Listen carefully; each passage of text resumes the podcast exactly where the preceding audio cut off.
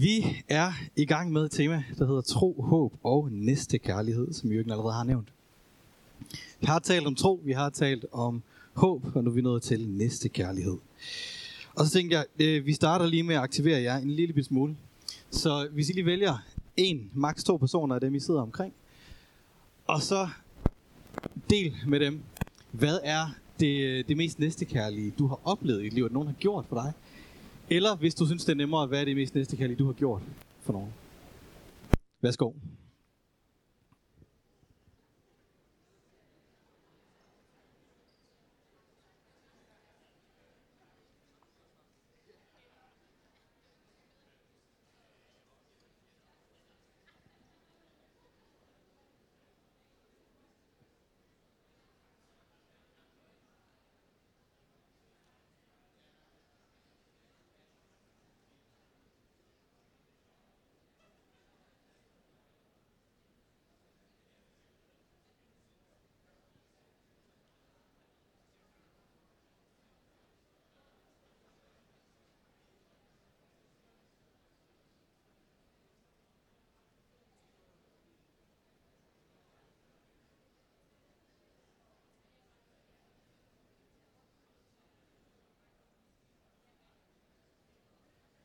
Vi tager lige 30 sekunder mere.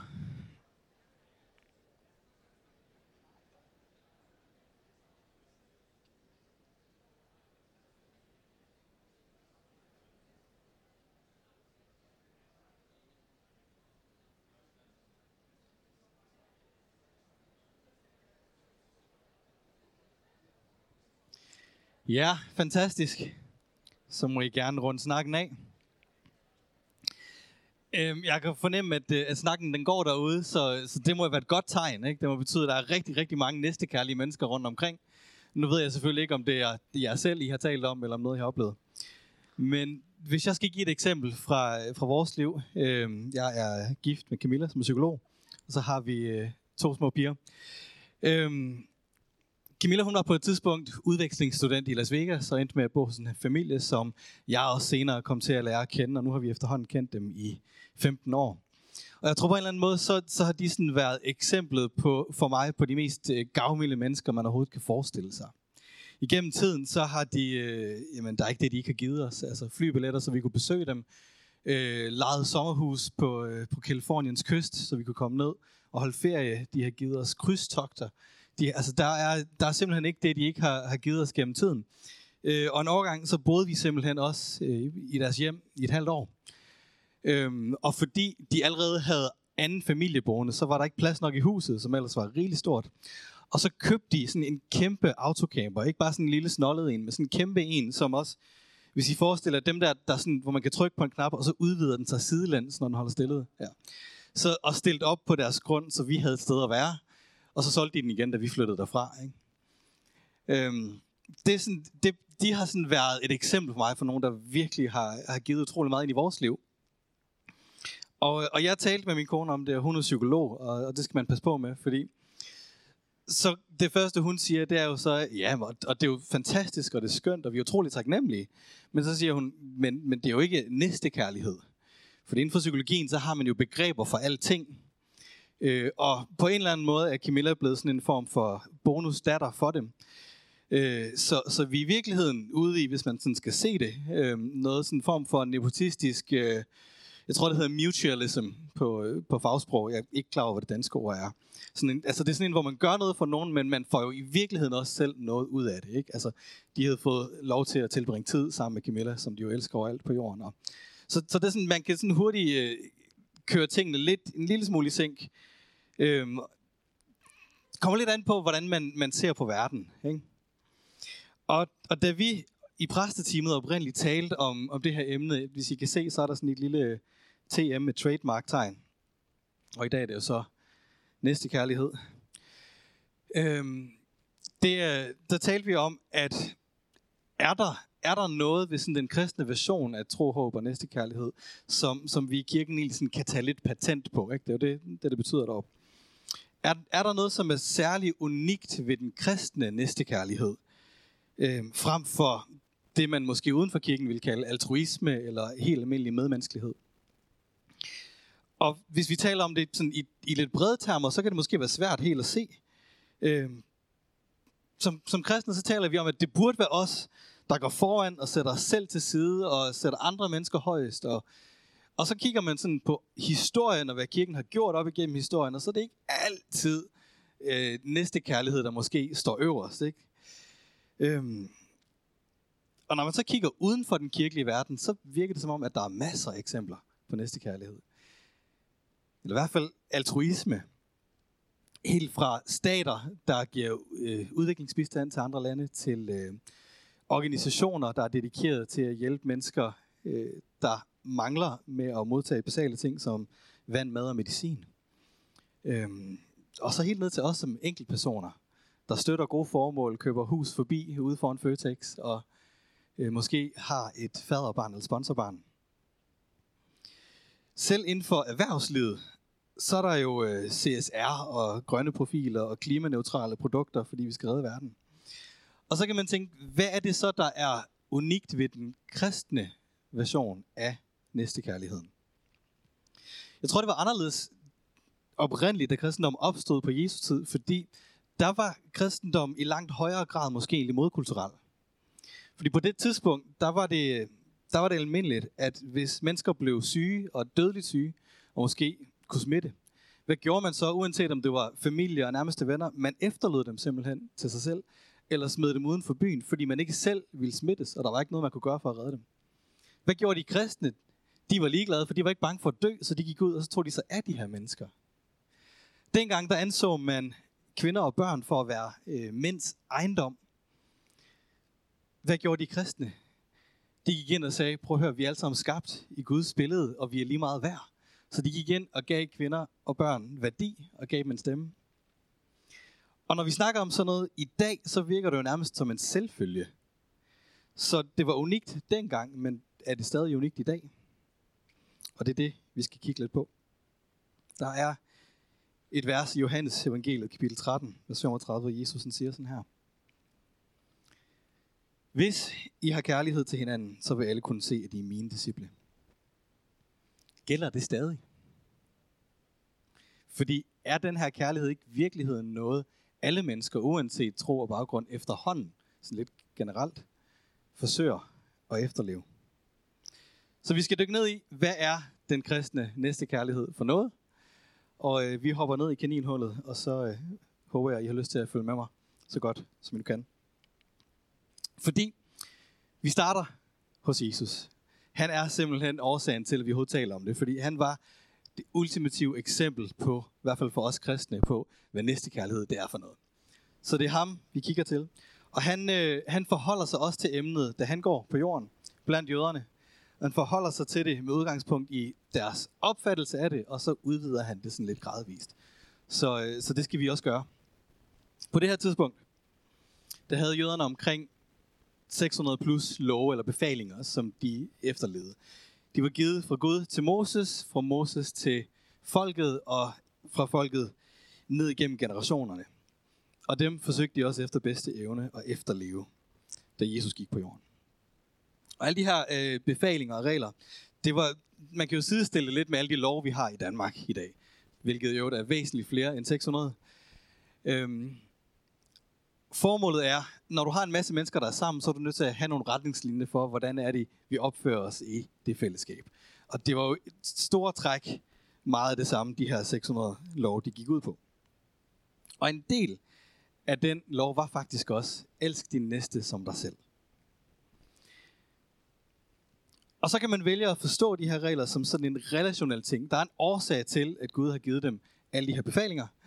Men øhm, som mennesker så ofte gør, så, øh, så gjorde de også det dengang, at de forholdt sig sådan lidt mere logisk til dem.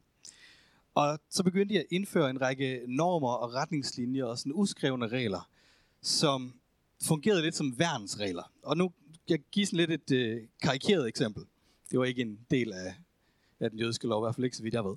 Men hvis vi nu siger, at her, der står vi, og så er der en kløft ned. Så kan man sige, øh, lad os sige, at den er dyb, og hvis jeg falder ud over, så bliver jeg dræbt. Så ville der måske være en lov, der hed, lad være med at stille dig ud på kanten af kløften og hoppe ud over. Fordi det er dumt. En værnsregel, som jøderne så vil sige, det, det kunne så være, okay, hvis det er forkert at stille sig herud og hoppe ud, så laver vi en regel, en værnsregel, og den hedder, at man må maks bevæge sig 3 meter ud til kanten. Ja, er vi med så langt? Det, det, vil, være, det vil være en værnsregel i, i den her sammenhæng.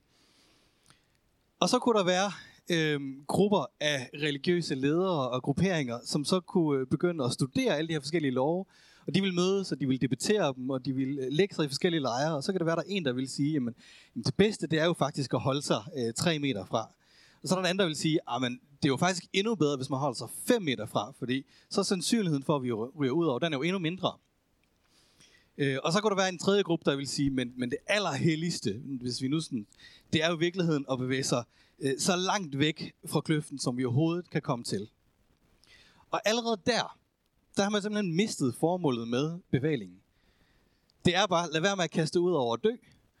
Og så er vi nået til et punkt, hvor vi sidder og diskuterer, Åh, altså, er det 3 meter, er det 5 meter, hvad er det rent faktisk, der er det bedste at gøre? Hvis vi sådan skal tage et, øh, et lidt mere nutidigt eksempel igen, det her det er karikeret og tænkt. Øhm, når vi er ude og køre bil, de der farttavler, ja. øh, hvordan er det, vi opfatter dem? Ja, jeg er godt klar over, at der er nogen, der betragter dem som anbefalinger, men det er ikke, det er ikke, det er ikke lige den retning, jeg tænker i dag. Vi opfatter dem som en, det er så hurtigt, jeg må køre. Ikke? Altså, jeg ved ikke med jer, men, men altså, jeg, jeg kører aldrig, aldrig langsommere, end det jeg må. Øhm, om jeg kører hurtigere, det, det kan vi lade, lade ligge til en anden gang. Øhm, men det er jo sådan en, hvor meget kan jeg presse den, ikke? Altså, hvor hurtigt er det rent faktisk, jeg må køre? Og så diskuterer man ind imellem, på den her motorvejstrækning, der burde man jo faktisk sætte den op fra 110 til 130. Det kunne man godt, kunne man ikke det? Øhm, og så kan man sige, allerede der, så har vi misset en lille smule af formålet med de her fartavler. Hvad er, hvad er formålet? Det er jo bare at sørge for, at folk ikke kører galt. Ikke? Altså, det er, at vi regulerer hastigheden, så folk de ikke kører galt. Men det kommer til at handle om, hvor hurtigt må jeg køre det er sådan lidt, lidt i samme, samme dur med de her forskellige værnsregler. Og det var sådan, jøderne de forholdt sig til loven. Øh, og hvis man så var, var rigtig dygtig, så kunne man sætte sig ned på torvet og diskutere med alle de andre rigtig dygtige øh, ledere, der havde læst en masse i, i skrifterne og, og kunne de her lov udenad. Og så kunne man øh, konkurrere lidt om, hvem der var bedst til at kende dem, og hvem der havde den bedste opfattelse af det. Da Jesus så kommer til, og han kommer til, og han begynder at gå og undervise folket, og der er flere og flere, der begynder at samle sig omkring ham. Så går han ikke sådan så meget op i detaljerne omkring de her forskellige ting. Øhm, han går langt mere op i formålet bag. Altså, hvad er det rent faktisk, at, at alle de her regler, de, øh, de symboliserer. Og det bryder de religiøse ledere sig ikke synderligt godt om, fordi han får nogle gange sagt nogle ting, som stiller dem i dårligt lys, eller øh,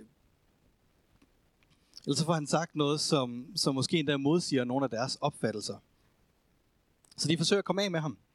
Øhm, og det gør de ved at udfordre hans kendskab til den her lovsamling, øh, som de kalder for Toran.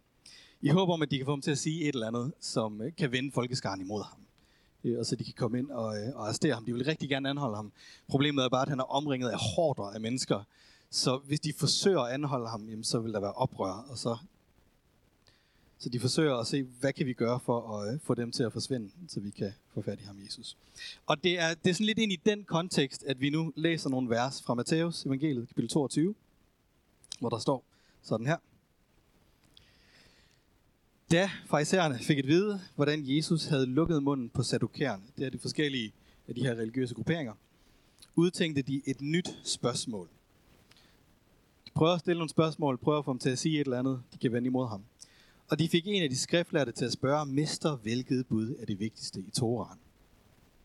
Det her det er, ikke, det er ikke et nysgerrigt spørgsmål. Det er ikke sådan et, øh, hvad mener du? Øhm, det her, det var sådan noget, alle jøder på den tid, de fik ind med modermælken.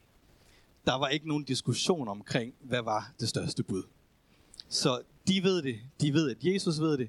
Det, de har tænkt sig, det er, at de vil prøve at stille ham spørgsmålet, og når han så giver dem svaret, som er, du skal elske Herren, din Gud, af hele dit hjerte, med hele dit liv og med alle dine tanker. Det var det, der var det største bud. Det står, det er det vigtigste og største bud. Og det, de har tænkt sig, det er, at når han så giver dem svaret, så kan de vende mod ham og så sige, Nå, men hvis det er det største bud, hvorfor gør du så sådan her? Eller hvorfor gør dine disciple sådan her? Hvis vi skal ære Gud, så skal vi jo overholde sabbaten. Hvorfor arbejder du på sabbaten? Og så videre. I det her tilfælde, der får de slet ikke muligheden, for Jesus han fortsætter. Og så siger han, der er også et andet bud, som udtrykker det samme. Du skal elske din næste som dig selv. Det er det, Toran og profeterne drejer sig om. Så med få ord, så får han lukket ned for det, de har gang i. Og så får han kogt 600 plus befalinger ned til to. Elsk Gud, elsk mennesker. Og det kan de ikke rigtig argumentere imod, og så forsvinder de lige så stille. Men det han i virkeligheden siger, jeg synes det var interessant at læse, at der står, at der er et andet bud, som udtrykker det samme. Det vil sige, at elske Herren din Gud af hele dit hjerte, og at elske din næste som dig selv. Han siger, at det udtrykker det samme. Med andre ord, det største bud er at elske Gud, og måden, nu står der I, ja, måden I viser det på, det kunne også have været vi, er ved at elske mennesker. Ved at elske vores næste. Jøderne på det tidspunkt, de opfatter øh, deres næste som ligesindede, det vil sige andre jøder. Øh, de har sådan en lang historik af krig og ødelæggelse og alt muligt andet og konflikter i området, og det betyder, at deres fjender er ikke ligefrem deres næste, så de opfatter deres, øh, deres medjøder som værende deres næster. Den, øh, den opfattelse, den vælger Jesus at udfordre en lille smule. Så på et andet tidspunkt, så læser vi i Lukas evangeliet kapitel 10, og nu har jeg ikke taget, taget det med her. Men der læser man om en lignende situation. Igen en øh, skriftlært, som kommer og prøver at sætte sig ned i mængden og stille et spørgsmål. Og det spørgsmål, han stiller, det er, hvem er min næste? Og Jesus han ser det som et fantastisk, en fantastisk mulighed for at udvide deres horisont en lille smule. Og det er det, der bliver til historien om den barmhjertige samaritaner. Med andre ord, øh, det er historien om en mand, som rejser fra Jerusalem til Jericho, det er en øh, forholdsvis smal og snoet vej, relativt farlig. Og mens han går der, så kommer der en gruppe røvere, som overfalder ham, slår ham ned, røver ham og forsvinder igen, og simpelthen bare efterlader ham der. Så kommer der en præst og en tempeltjener forbi, en af gangen, og da de ser ham, så står der, at de gik over i den modsatte side og skyndte sig videre. Det der er med den der modsatte side, det er, at det her det er en relativt smal vej, og der er en øh, klippeskrant på den ene side, og der er en grøft i den, eller en kløft i den anden. Så der var faktisk ikke nogen modsat side at gå over i. Så det han egentlig prøver på at sige, det er, at de gjorde alt, hvad de kunne for at gå en stor bue udenom. Og hvad er det, vi tænker, når vi hører det? Vi tænker, åh, der var ikke meget medmenneskelighed der, og det var en præst endda, ikke? Altså, de burde da have gjort noget. Men sagen var den, at præster og øh, tempeltjenere, de havde nogle værnsregler. Øhm, og nogle af de ting, der var her, det var, at de havde nogle renselsesregler og nogle ritualer, som gjorde, at de måtte faktisk ikke røre ved et lig. De måtte ikke røre ved et menneske, der var dødt. Og når man så går forbi der, så er det svært at vide, om den her person er død eller levende. Så det er derfor, de gør alt, hvad de kan for at komme udenom, fordi de har nogle regler, der gør, at det skal man altså ikke røre ved. Og så skynder de til videre. Og så fortæller Jesus om den tredje mand, der kommer forbi. Og spørgsmålet, han blev stillet, det der ligesom udløser hele den her fortælling, det er, hvem er min næste?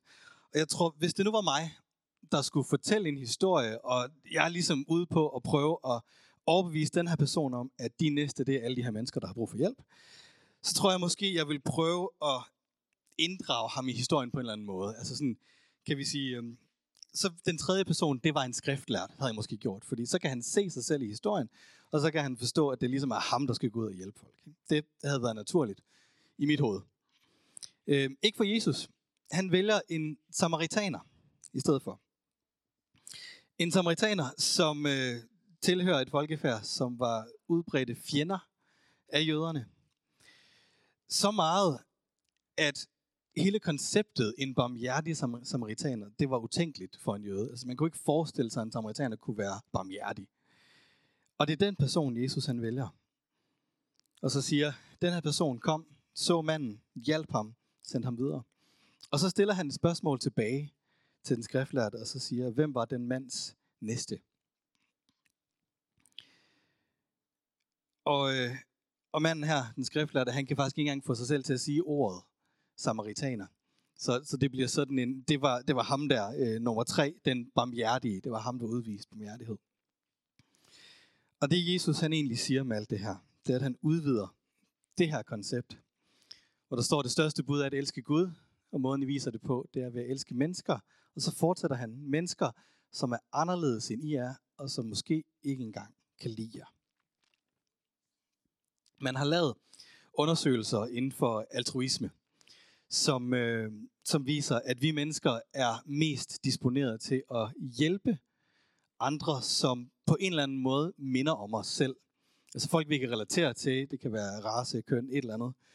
Men mennesker, hvor vi ligesom kan se noget af os selv i, der er større sandsynlighed for, at vi hjælper dem. Så hvis, der er, hvis vi møder to mennesker, der har præcis det samme behov, så vil der simpelthen være en større sandsynlighed for, at vi hjælper den, vi bedst kan se os selv i, frem for den, vi ikke kan. Så Jesus han siger, det kan vi alle sammen gøre, men hvis I virkelig vil elske jeres næste, så gælder det også alle de mennesker, der er anderledes. Og faktisk også dem, som måske ikke engang kan lide jer. Og han stopper den ikke der. Han udvider faktisk konceptet en gang til.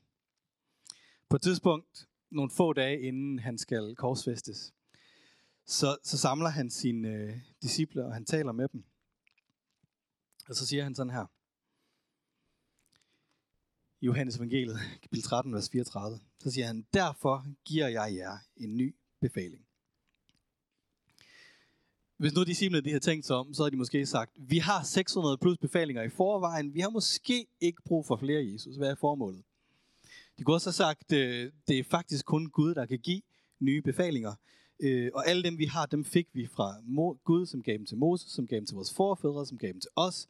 Så det her det er også en lille smule uden for nummer. Men de har trods alt fulgt ham i tre år, og de har set, at der er noget ret særligt ved den her mand. Så må ikke de spidser ører alligevel, da han siger, nu er der simpelthen en ny befaling. Og øh, han giver den som en befaling, der simpelthen skal erstatte alle andre befalinger. Og så siger han, I skal elske hinanden. Og på det her tidspunkt, så tror jeg også, at disciplen har tænkt, det var, det var da dejligt. Men den kender vi godt. Den har vi hørt. Faktisk så, øh, så har vi hørt den allerede tilbage fra Moseloven. Elsk de næste som dig selv. Men Jesus han er ikke færdig. Og så siger han en sætning mere, som er kernen i den kristne næstekærlighed. Som jeg har elsket jer, skal I elske hinanden. Det her, det er tilføjelsen, som gør, at den kristne næstkærlighed adskiller sig fra medmenneskelighed og altruisme og alt muligt andet.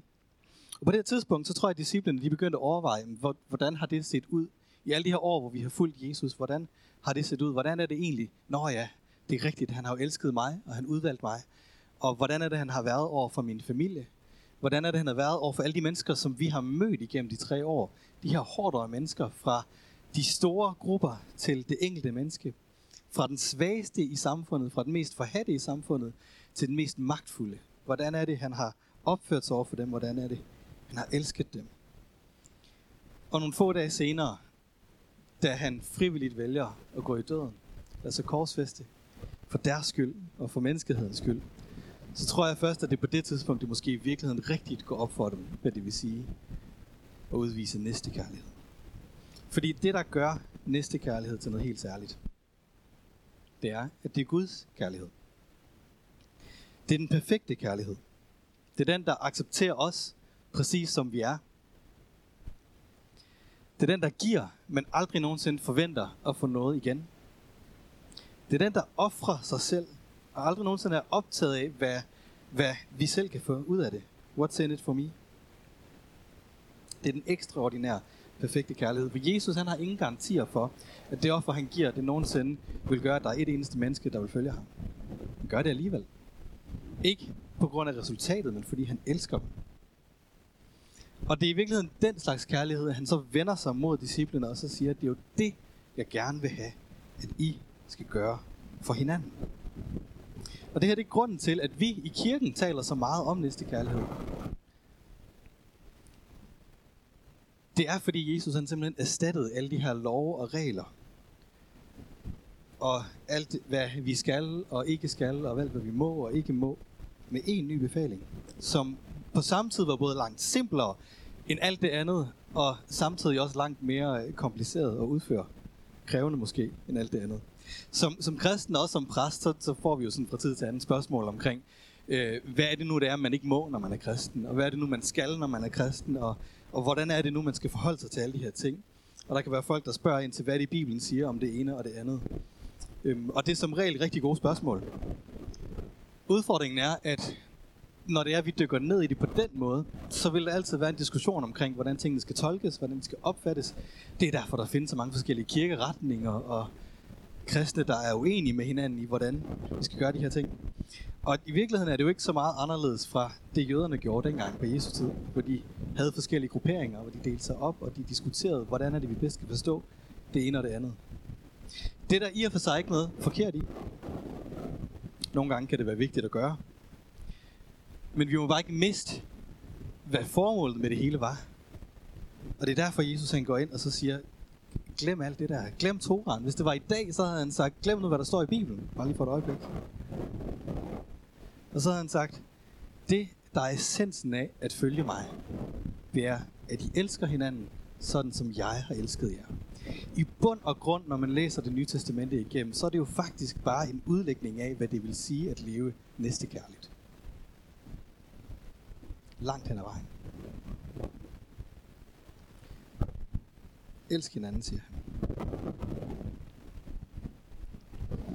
Er det virkelig så simpelt? Ja, absolut. Kristendom er ikke svær at forstå. Den er ikke dyb og kompliceret. Den er enkel at forstå, svær at udleve. Men ikke desto mindre, så er det jo det, Jesus han beder os om. At vi elsker, fordi han elskede os først. At vi tilgiver hinanden, fordi at vi er blevet tilgivet af ham. At vi er venlige over for hinanden, at vi er tålmodige, at vi udviser mildhed. At vi hjælper, at vi respekterer og er hinanden. Ikke fordi, at mennesker omkring os fortjener det, eller fordi, at det er noget, der skal få os til at have det godt med os selv. Ganske enkelt, fordi det er sådan Gud er, og det er sådan, han elsker os. Han er kærlighed, og den er mild og tålmodig, og misunder ikke og praler ikke. Så i virkeligheden, så er spørgsmålet, man stiller sig selv, hvis man er kristen, det er ikke, hvad er det, øh, Bibelen kræver af mig, hvad er det, Jesus kræver af mig, hvad er det, reglerne siger, det er, hvad er det, kærligheden, hvad er det næste kærligheden kræver af mig.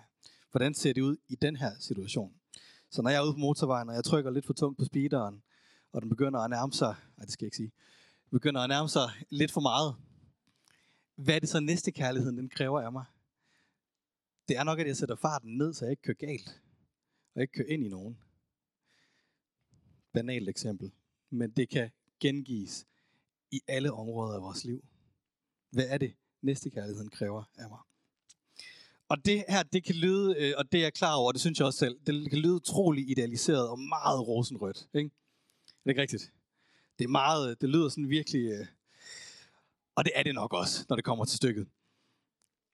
Fordi i virkeligheden, så er vi jo bare en flok øh, uperfekte mennesker, som aldrig nogensinde vil komme til at leve op til Jesus på den måde. Ikke? Altså han var det perfekte eksempel på næste kærlighed, og nej, det kan vi ikke være, uanset hvor hårdt vi prøver. Men det er også hele ideen i det her, det er, at det ikke er målet, det er ikke meningen, at vi skal komme hen og blive Jesus, for det gør vi ikke. Det er i virkeligheden processen, han er interesseret i. Det er, at vi lærer gradvist at forsøge at efterligne ham, så godt som vi nu kan i al vores menneskelighed, med alle vores fejl og mangler. At vi forsøger at sige, at den kærlighed, som vi oplever, den kærlighed, som vi modtager og har modtaget fra ham, den forsøger vi efter bedste evne at give videre. Fordi det er det eksempel, han har sat for os, og det er det, han har bedt os om. Amen. Amen. Skal vi ikke bede sammen? Gud, tak fordi, at du har elsket os igen og igen, og du har vist os det igen og igen. Tak fordi du har sat et eksempel for os på, hvad det vil sige at elske, ikke bare med menneskelig kærlighed, men med guddommelig kærlighed, far. Tak, at du har kaldet os til at være dine efterfølgere, til at efterleve dit eksempel ved at elske hinanden. Betingelsesløst og uden at forvente at få noget igen. Hjælp os til både at modtage din kærlighed, og måske særligt, hvis vi ikke har oplevet det før i vores liv. Hjælp os til at modtage din kærlighed, så vi også har noget at give af. For at hjælpe os til og se muligheder i hverdagen, hvor vi kan stille os selv spørgsmålet, hvad er det, kærligheden, hvad det næste kærligheden kræver af os i dag og i den her situation. Og hjælpe os til at udleve det. Vi ved godt, at vi aldrig kommer i mål. Vi ved godt, at vi er langt fra perfekte. Men hjælp os til efter bedste evne at efterligne dig ved at elske hinanden. I Jesu navn beder vi. Amen.